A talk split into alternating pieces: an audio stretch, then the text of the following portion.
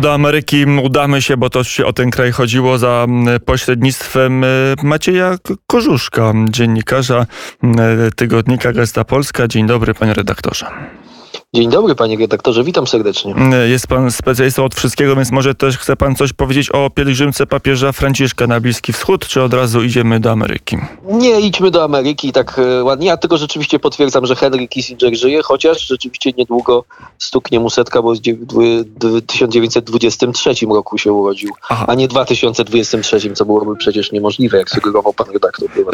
E, bo ja jestem na tyle młody, że nie wyobrażam sobie, aby ktoś mógł się urodzić w tysiący...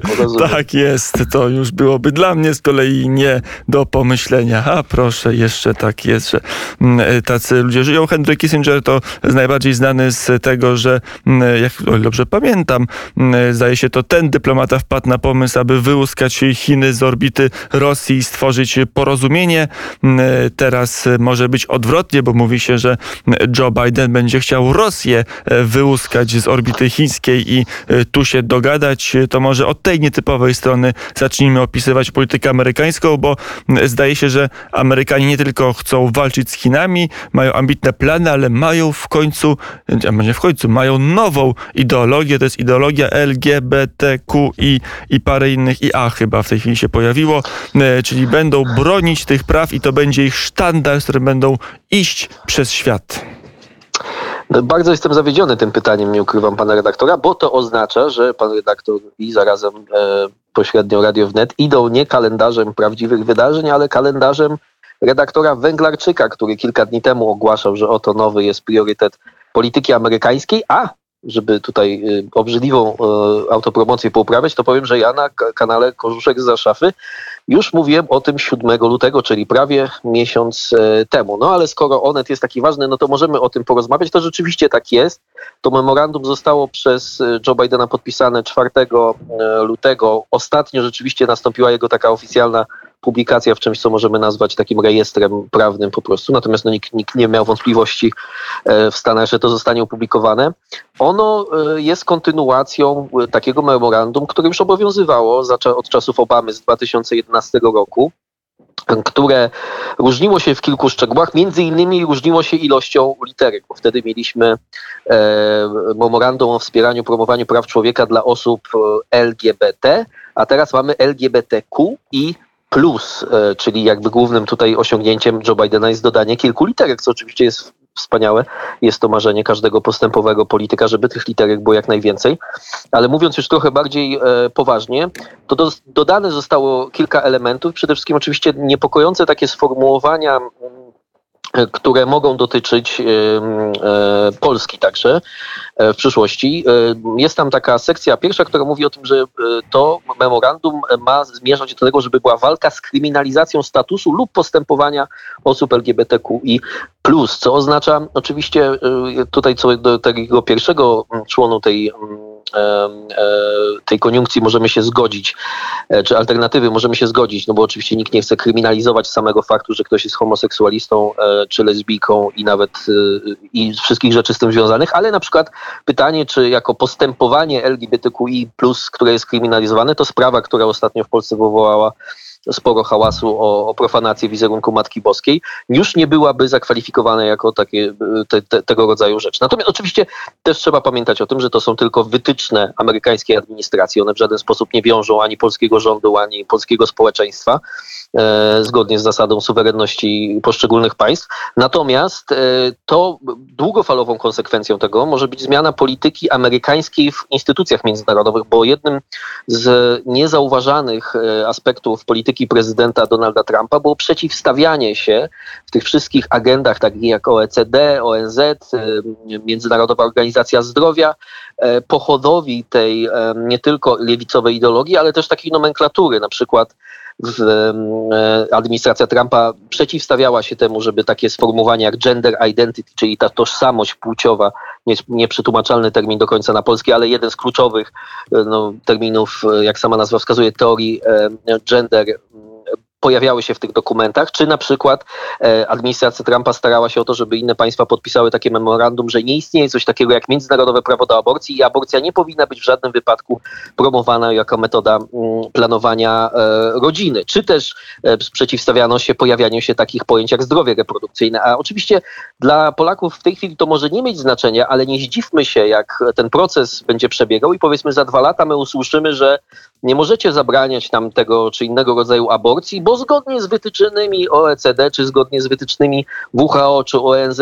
zdrowie reprodukcyjne jest jednym z podstawowych praw człowieka, a Polska jest członkiem tych organizacji, w związku z czym właściwie sprawa jest załatwiona i przesądzona. Więc oczywiście to będzie miało z naszego punktu widzenia e, wymiar głównie taki PR-owy, ale nie ma wątpliwości co do tego, że chociażby Niemcy w rozmowach z Amerykanami, na przykład o Nord Stream 2, tą sprawę będą wykorzystywać, pokazując Polaków właśnie jako tego czarnego luda, który, z którym nie warto współpracować i nie warto słuchać, bo... To bo jeszcze właśnie... tylko doprecyzuję, bo to, to, to mnie interesuje, na ile to jest tak, że, mm, że ta idea, czy ten zbiór wartości, czy, czy, czy zbiór przykazań, jaki się kryje pod tym e, coraz bardziej pęczniejącym zbiorem liter przeróżnych mniejszości, których trzeba bronić, na ile to jest, bo ja wiem, jakiś swoisty dzisiejszy komunizm, jak kiedyś Związek Radziecki miał swój komunizm i z nim szedł przez świat od kraju do kraju, tak teraz e, Joe Biden będzie z Kamalą Harris jeździł od kraju do kraju, od regionu do regionu z tym, e, z tęczową flagą, czy, czy to jest po prostu jakieś mrugnięcie e, okiem do liberalnych, bardzo liberalnych albo liberalnych trochę wyborców w Stanach Zjednoczonych, że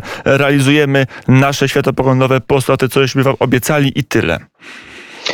Znaczy, panie redaktorze, ja bym tych nie przesadzał z tymi porównaniami, no bo y, pamiętajmy, że jednak komunizm pochłonął tyle ofiar, ile pochłonął i zanim komuś, że tak powiemy, taką rangę przypiszemy. Oczywiście są pewne wspólne elementy, to znaczy, że mamy tutaj to coś, co kiedyś w europejskim prawodawstwie na, nazywało się gender mainstreaming, to znaczy, żeby wprowadzać pewne terminy do prawa, żeby wprowadzać je do systemów edukacji i żeby społeczeństwo niezauważalnie, bez żadnego referendum, bez żadnego głosowania, bez nawet wybrania polityków, którzy takie poglądy przedstawiają, e, zostało no, w pewnym sensie zaprogramowane do akceptowania tych treści i w pewnym sensie trzeba się może nie pogodzić, ale za, mm, no, w jakiś sensie wziąć pod uwagę fakt, że w takim świecie właśnie żyjemy, że nasza wrażliwość, którą mamy w Polsce, że jednak wieszanie e, flagi LGBT na przykład na wizerunku Matki Boskiej,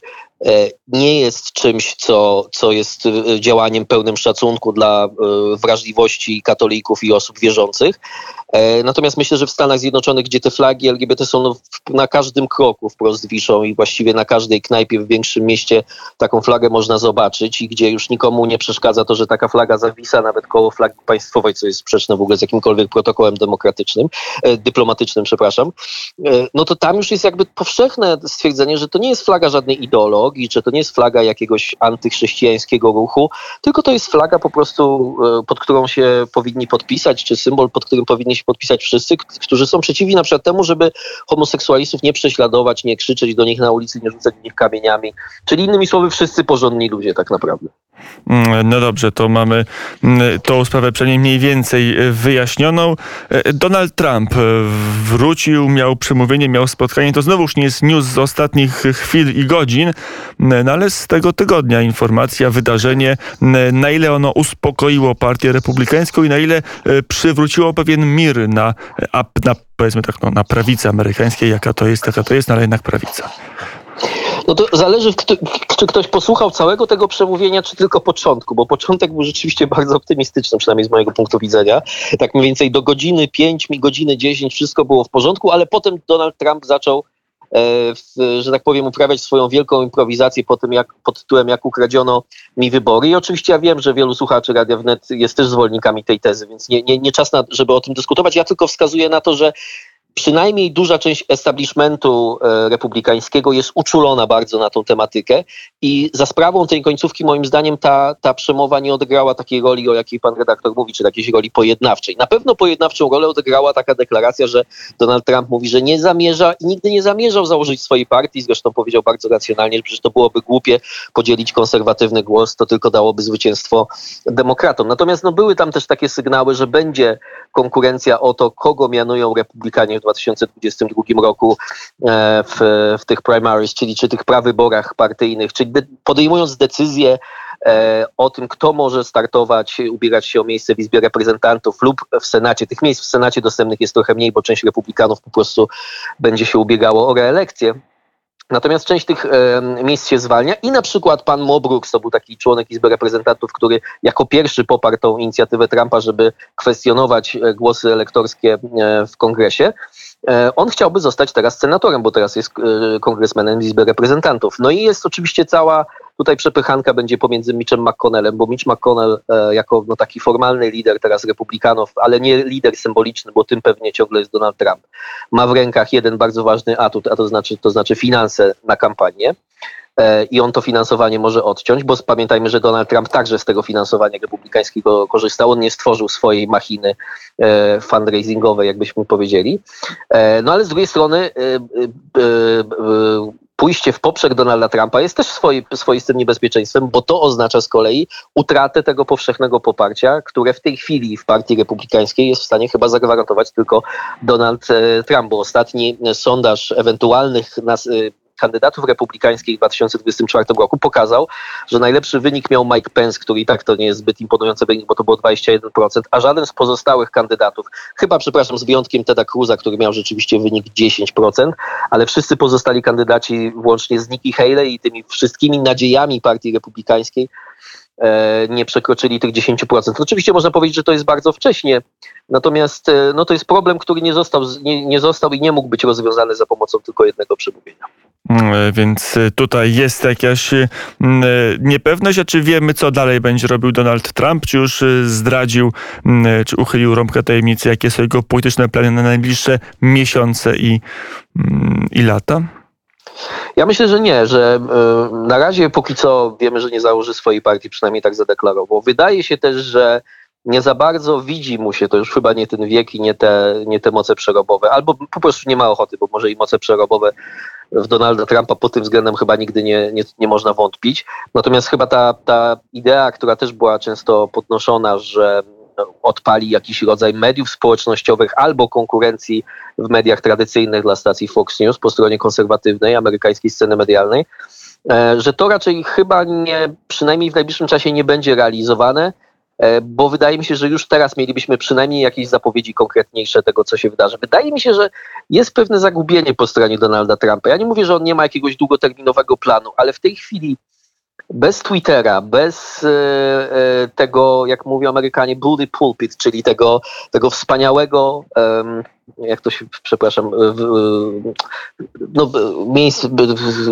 tego stolika, z którego się wy, wygłasza przemowy, przepraszam, pulpitu, no po prostu, pulpitu, bez, te, bez tego forum, które dawała mu prezydentura i która dawała mu obecność w mediach społecznościowych, Donald Trump chyba trudno mu jest znaleźć miejsce dla swojej takiej ciągłej aktywności politycznej, bo on ani nie jest liderem w kongresie, ani nie ma swoich takich bezpośrednio kongresmenów, ani sam nie jest w kongresie, więc Steve Bannon, który no, politycznym strategiem jest niezłym, chociaż jego różne koncepcje czasem nie są do końca zgodne z rzeczywistością, miał taki pomysł, żeby Donald Trump w 2000 2022 roku wszedł do Izby Reprezentantów i w tej Izbie Reprezentantów jakby codziennie prowadził taką swoją prekampanię wyborczą przy okazji, mówiąc o tych wszystkich kwestiach związanych z bezpieczeństwem tak zwanym wyborów i e, wiarygodnością całego tego procesu wyborczego, ale to też chyba nie jest zbyt prawdopodobny scenariusz, więc mi się wydaje, że to pytanie ciągle wisi w powietrzu. I ja nie wiem, czy, czy w najbliższych miesiącach, to jest dosyć ryzykowna hipoteza, będziemy widzieli rodzaj takiego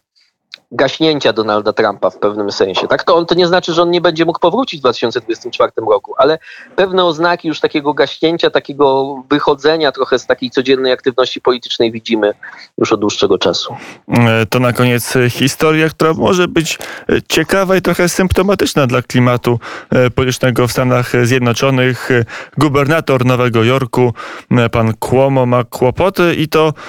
kłopoty w dwóch gatunkach. Po pierwsze jego decyzje decyzje pandemiczne, które kiedyś były bardzo chwalone, chyba nie okazały się najlepsze, a po drugie e, dotknął go skandal natury mitu. No tak, e, gubernator Cuomo, dla tych Państwa, którzy tego nie wiedzą, to jest o tyle istotna postać, że on e, w okolicach połowy, a właściwie początku nawet 2020 roku, w okolicach marca, kwietnia, przedstawiany był we wszystkich mediach, szczególnie w CNN, gdzie pracuje jego brat Chris Cuomo, jako ten wybawca narodu, który to jest jeden urzędnik, w momencie, kiedy Donald Trump nie, nie staje na wysokości zadania, to e, Andrew Cuomo, gubernator Nowego Jorku, jest tym wspaniałym urzędnikiem, który nas prowadzi i on na swoich briefingach prasowych mówi to, co trzeba, zachowuje się odpowiedzialnie i same superlatywy e, pod jego adresem kierowano. Nawet pojawiały się takie teksty, ja taki tekst ostatnio też u siebie na kanale cytowałem z New Republic, w którym stwierdzano, że w momencie, kiedy Joe Biden, który wtedy już był nominatem Partii Demokratycznej, jest takim kandydatem, od którego czasem ciężko jednego dnia dziesięciominutowy występ e, za pomocą Zooma albo Skype'a wydobyć, to właściwie Andrew Cuomo jest takim zastępcą e, demokratycznym Joe Bidena jako symbol tego, jak demokraci zarządzaliby e, tym kryzysem koronawirusowym, gdyby oni mieli w rękach swoich e, Biały Dom. Więc Cuomo został napompowany niemiłosiernie przez media jako mesjasz covidowy, natomiast statystyki e, takie nawet surowe, niezależnie od tego skandalu, który miał miejsce w domach opieki dla osób starszych, niezbyt pokazywały, że on sobie świetnie radzi. Natomiast to, co wyszło właśnie w tym skandalu z domami i to nie tylko to, że decyzja Andrew Cuomo, który zdecydował w marcu e, o tym, żeby osoby, które skończyły hospitalizację, ale dalej są chore na koronawirusa, dalej mogą zarażać, trafiały z powrotem do tych domów opieki, mogła mieć bardzo negatywne skutki, ale przede wszystkim tu jest problem ukrywania danych, bo jak się okazało, dzisiaj, dzisiaj był artykuł w Wall Street Journal, który dokładnie te dane cytował. Oficjalny raport z lipca e, stanu Nowy Jork mówił o tym, że w domach tych opieki dla osób starszych zmarło 6400 mniej więcej osób, a prawdziwe dane, niezaniżone, a do tego zaniżenia warto to dodać, urzędnicy Andrew Cuomo dokonywali w pełni świadomie i mając świadomość, że te statystyki są wyższe. Prawdziwe dane wynosiły prawie 10 tysięcy, a w tej chwili ta liczba po tych kilku miesiącach jeszcze wzrosła i to jest około 15 e, tysięcy. E, natomiast paradoks tego wszystkiego jest taki, że ponieważ Andrew Cuomo był takim wspaniałym symbolem tej, tej demokratycznej nieomylności w walce z koronawirusem i tego, jak, jak, jak wspaniali, wspaniałymi przywódcami są demokratyczni politycy, to nie za bardzo można go w tej chwili usunąć z urzędu właśnie za to, że popełnił tak e, drastyczne błędy, które spowodowały być może śmierć tysięcy ludzi, a przynajmniej okłamywał i to nie tylko prasę, ale także urzędy federalne e, w tej sprawie. Więc no, nie chcę powiedzieć, że wymyślono, ale znaleziono inny powód, czyli właśnie te zarzuty dotyczące nieodpowiedniego zachowania na tle seksualnym względem swoich pracownic. Przy czym, mówiąc szczerze, jest to też dziwna hipokryzja mediów e, tych liberalnych, no bo o ile oczywiście te zachowania są obrzydliwe i żaden z nas nie chciałby, by nasza siostra, mama lub partnerka życiowa e, ofiarą takiego zachowania się stała, no to w ostatnich latach w całym tym ruchu mitu słyszeliśmy o zachowaniach o wiele bardziej obrzydliwych, no bo to w przypadku kłomu mówimy o takiej sytuacji, że na przykład e, dotknął kobiety gołych pleców ręką, a kiedy ona powiedziała, że sobie nie życzy takiego kontaktu, to on, jej, to on ją dotknął w twarz, kogoś pocałował bez prośby inną kobietę albo pokazał jej e, co jest historią zawsze dla mnie ciekawą, bo lubię takie historyjki. Z historii Stanów Zjednoczonych pokazał jej pudełko cygar, mówiąc, że są to cygara które dostał w prezencie od Billa Clintona, co oczywistym było odniesieniem do skandalu e, z Moniką Lewiński, bo pamiętamy, jaką niechlubną rolę wtedy cygara odegrały w całej tej e, sytuacji. Natomiast porównując skalę tych rzeczy, czyli na, po jednej stronie człowiek 60-latek, e, który wobec młodszych kobiet zachowuje się obleśnie po prostu, a z drugiej strony gubernator, który podejmuje decyzję, w wyniku której umierają być może tysiące mm, starszych osób, które powinny być naj, w najwyższym stopniu chronione w momencie takiego kryzysu, e, to wydaje się, że, że coś, ktoś tutaj ma nie, nie tak jak trzeba poustawiane priorytety. No, ale jak rozumiem, nie można było powiedzieć, że e, za, za nieporadność czy błędną decyzję, tragiczną decyzję Kłomo ma odejść, chociaż sam Kłomo się na, e, nigdzie nie wybiera z tego, co dobrze słyszałem jego wystąpienie. Tak, tak. Ja sobie przypomniałem, e, nie wiem czy Państwo to pamiętają, przesłuchania, w, to nagranie jeszcze było na taśmie VHS, wtedy pokazywane w kongresie amerykańskim, jak toczył się proces impeachmentu Billa Clintona. On wtedy wypowiadał cztery słowa, że nigdy nie dotykałem tej kobiety i to trwało 30 sekund, wypowiedzenie tych e, czterech słów i podobną strategię na swojej konferencji zastosował Andrew Cuomo, że nigdy nie dotykał nikogo. Ciekawe jest bardzo to, i to oczywiście konserwatywni dziennikarze amerykańscy są w tym świetni, by taką hipokryzję zawsze y, odnaleźć, że narracja się troszeczkę zmieniła, bo gdy był ruch MeToo, zaczynał swoje, swoją, nazwijmy to działalność, albo zaczynał popularność swoją, to narracja, która obowiązywała, była taka: nigdy nie należy y, ufać mężczyźnie, jeżeli on mówi, że nikogo nie chciał skrzywdzić, zawsze trzeba ufiać ofierze. I, I mamy takie zestawienia zrobione właśnie przez konserwatywnych dziennikarzy, że z tej samej gazety albo z tego samego portalu mamy po kilku miesiącach zupełnie inny tytuł. Tam miało być, że trzeba zawsze ufać kobiecie, a w przypadku Andrew Cuomo, naszego idola, już jest napisane, że no ale trzeba jednak sprawdzić te wszystkie mm, oskarżenia i po, po, potrzebny jest odpowiedni proces, żeby prawda, nikogo przypadkiem nie, nie, nie, nie, nie, nie skazać niesłusznie, prawda, przynajmniej przed Trybunałem Opinii Publicznej. No i hipokryzja to jest to, co w lewicy lubimy najbardziej. Maciej Kożuszek był gościem popołudnia wnet, a my za chwilę do tematu lewicy e, wrócimy na antenie popołudnia wnet. Dziękuję. Dziękuję.